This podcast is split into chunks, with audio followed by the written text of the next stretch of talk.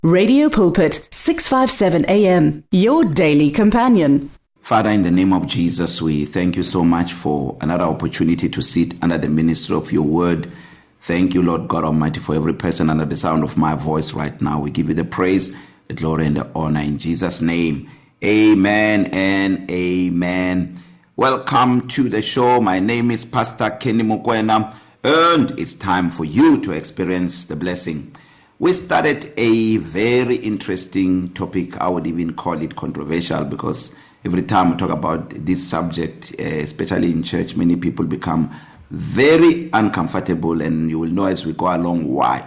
Because many people, with the moment you mention the tithe, they see themselves parting with their money. But I want to show you something today very important. So, we're talking about uh, the connection between Holy Communion and tithe. And one thing that I emphasized in last week's show was the fact that God provides the the the son who died on the cross without any intervention of man. But then he decided that when it comes to the response, God still provides to uh, uh, um, for the men to respond because it is the grace of God that enable us to respond it is the faith that God has given us that has enabled us to respond but God just decided to get men involved in this and I want you to see how much this is a privilege so many people are so many people are struggling actually to serve God with their finances because they see uh, saving God with their finances as running over without the revelation and the understanding that serving God with your finances is actually running over. In fact, I believe with all my heart that when it comes to the to the tithe, um, the tithe is so significant because it recognizes who Jesus is right now on earth. It recognizes that Jesus Christ is alive right now on earth, and many people don't realize that. So if you find yourself um, you are tithing, but life is not working out for you it's only because you have been taught a wrong message about the tithe and a lot of people who teaches about the tithe they speak from the perspective that you need to tithe so that you can reverse the curse you must tithe so that you can be blessed that's not correct we do not tithe to be blessed we tithe because we are blessed and you must understand where the tithing come from so that you can tithe right when you tithe just like when you take you partake of the holy communion You don't partake of the Holy Communion thinking about yourself. You partake of the Holy Communion thinking about Christ. Even when you give the tithe, you give the tithe thinking about the Christ re, with a revelation of Christ, not a revelation of yourself. Because any person who partake of the Holy Communion thinking about themselves you partake unworthily. Even when you sick in your body, when you hold the Holy Communion and begin to proclaim, you proclaim the death of the King that lives. You proclaim that Jesus Christ has died and his death has facilitated your divine health in accordance with 1 Peter 2:24 who himself bore our sins on his body on a tree that we having died to sin might live for righteousness by whose stripes we were healed that speaks of the cross that's why when you partake of the holy communion it's a celebration katagelo which um uh, uh, means to proclaim in 1 Corinthians chapter 11 verse 26 when you look at katagelo is the Greek word that translate proclaim it means to celebrate so you are celebrating you are celebrating the death of Christ. So you you're celebrating him.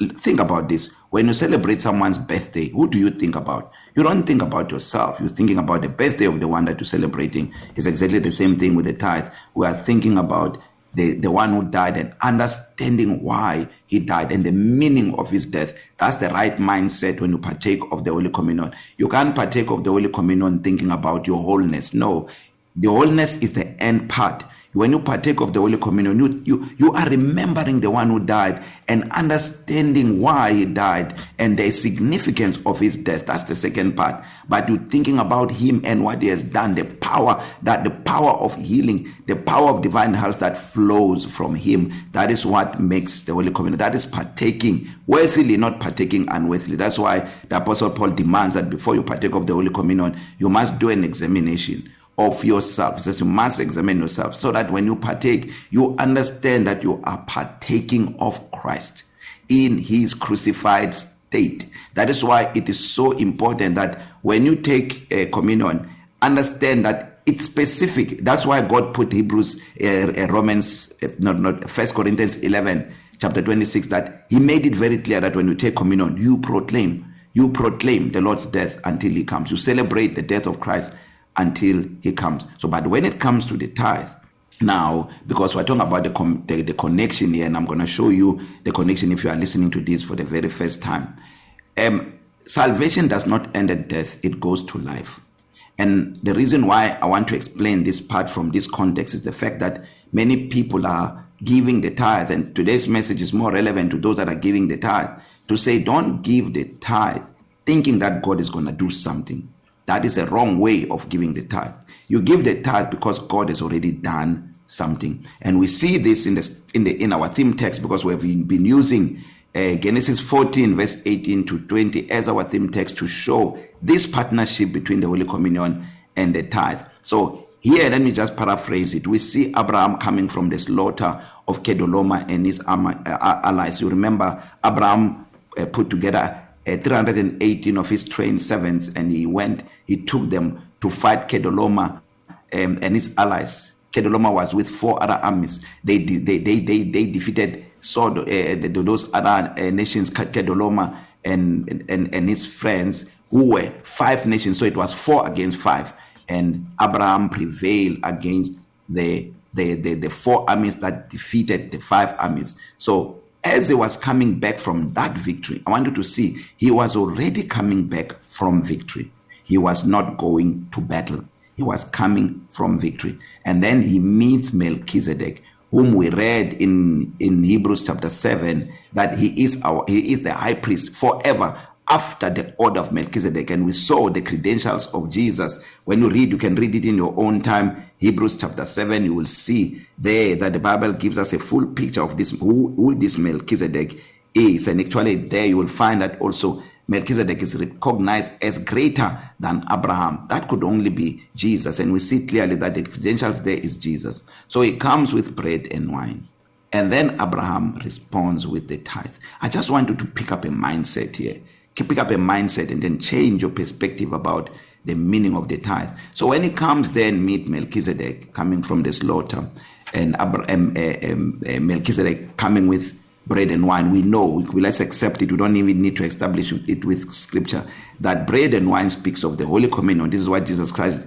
did with his disciples this is what he did with the apostle Paul that's why the apostle Paul in 1 Corinthians chapter 11 verse 23 says I received from the Lord that which I also delivered to you that the Lord Jesus in the night that was betrayed he took bread so there that is the holy communion that's what we are commanded to do so Melchizedek who's a type of Jesus he comes with the holy communion and then the Bible in verse 20 says and blessed be God most high who has delivered you Abraham from your enemies or he has delivered your enemies into your hand and then Abraham gave him a tithe of all can you just realize what what was in the mind of Abraham because Abraham did this by revelation. That is why a lot of people that are arguing to say no, uh, uh, the tithe has been done away with. Where has it been done away with? Because the tithe was did not originate from the law.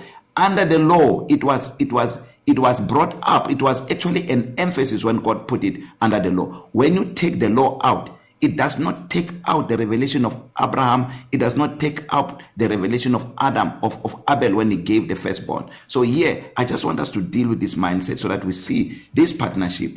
What was in the mind of,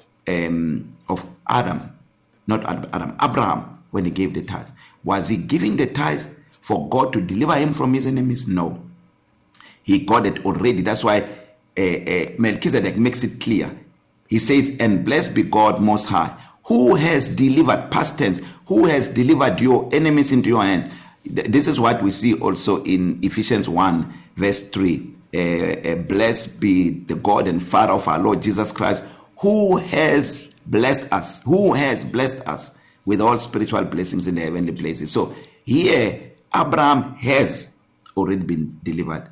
So if tithe is to be blessed, where do we get that? Well, I can understand under the law because Malachi 3:10 says that. Malachi 3:10 was written to people who were disobedient. But you and I in the, under the generation of grace we are not disobedient. In fact, when the law was removed, God was taking us out of a generation that was disobedient, restoring us to a generation that was obedient, and that's the generation of Abraham. To those that were under the law, he was saying, Give to be blessed. So, what in fact has been done away with, it's not the tithe. It's the order of the tithe. Because under the law, you had to give the tithe in order to be blessed. But under grace, you do not give the tithe in order to be blessed. You give the tithe because you are blessed. So, look at it from this point of view. Where does the blessing come from? Galatians 3:29 tells us, if you belong to Christ, you are a seed of Abraham and you are an heir according to the promise. So, The blessing, that's why we talk about the blessing of Abraham. The blessing of Abraham. Abraham was not under the law, was never given the law. And we access that blessing through Christ. So by just getting born again, you access the blessing. But there is another level that God has hidden in the scriptures that we need to recognize Jesus as our high priest now, to acknowledge and recognize him as one who lives. Because this is what we see in Hebrews chapter 7, verse 8. He says, Here mortal men receive tithes. But there, when Abraham gave a tithe to Melchizedek, Melchizedek receives the tithe, received the tithe as a testimony that Jesus Christ is alive, that he is alive. Because when Abba, when Melchizedek came with bread and wine, he was proclaiming his death. It's like he's saying, I died. And then Abraham is responding, says, Even though you died, yet you live. And this is so critical, my brother. This is so critical, my sister. Receive this message and change your life forever. it is not sufficient to take holy communion and walk in divine health but to not respond in the tithe to activate the life of Christ to become manifest in your life because the tithe does that the tithe gives a testimony that Jesus Christ is alive i want to ask you this if we ignore these glimpses of revelation that God has put in the scriptures how do we for sure by an act, just like it was a command to take communion. And the communion shows the provision of God for a for for a savior or a redeemer. But for us to be born again, we have to respond to that redeemer. And by responding to that redeemer, the response must speak to his life. That is why when you read the book of Romans 10 verse 9 it says, if you confess with your mouth the Lord Jesus and believe not that he died, but that God raised him from the dead, you shall be saved. I want to close with this and I want to submit this to you. The tithe speaks of Christ as the high priest. The tithe recognizes Jesus as alive.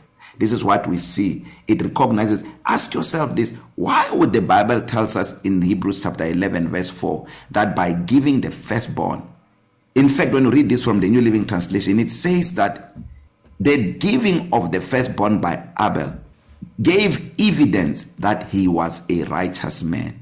Wow. So the tithing was confirming his righteousness. In fact, it was it was a testimony, the same thing that we see that um, in Hebrews 7 verse 8 that when Abraham gave the tithe, it was a testimony that he Melchizedek or Christ lives. And then we also see it in Hebrews 11 verse 4, especially when you read it in the New Living Translation. It says that the the offering that Abel gave gave evidence that he was a righteous man. And why is that? It is like that because he was activating his faith. He was propelled by his faith to give that firstborn birth from the heart, recognizing the high priesthood of Jesus Christ. In the next episode, we are going to talk about the 10 lepers, and I will show you a mystery there. I hope you are ready for it. So thank you so much for tuning in. Let me pray for you before you before you you, you sign out. um, if you are not born again, have not made Jesus the Lord of your life, just make this simple prayer with me. Say, Lord Jesus, I receive you now as my Lord and my Savior. I thank you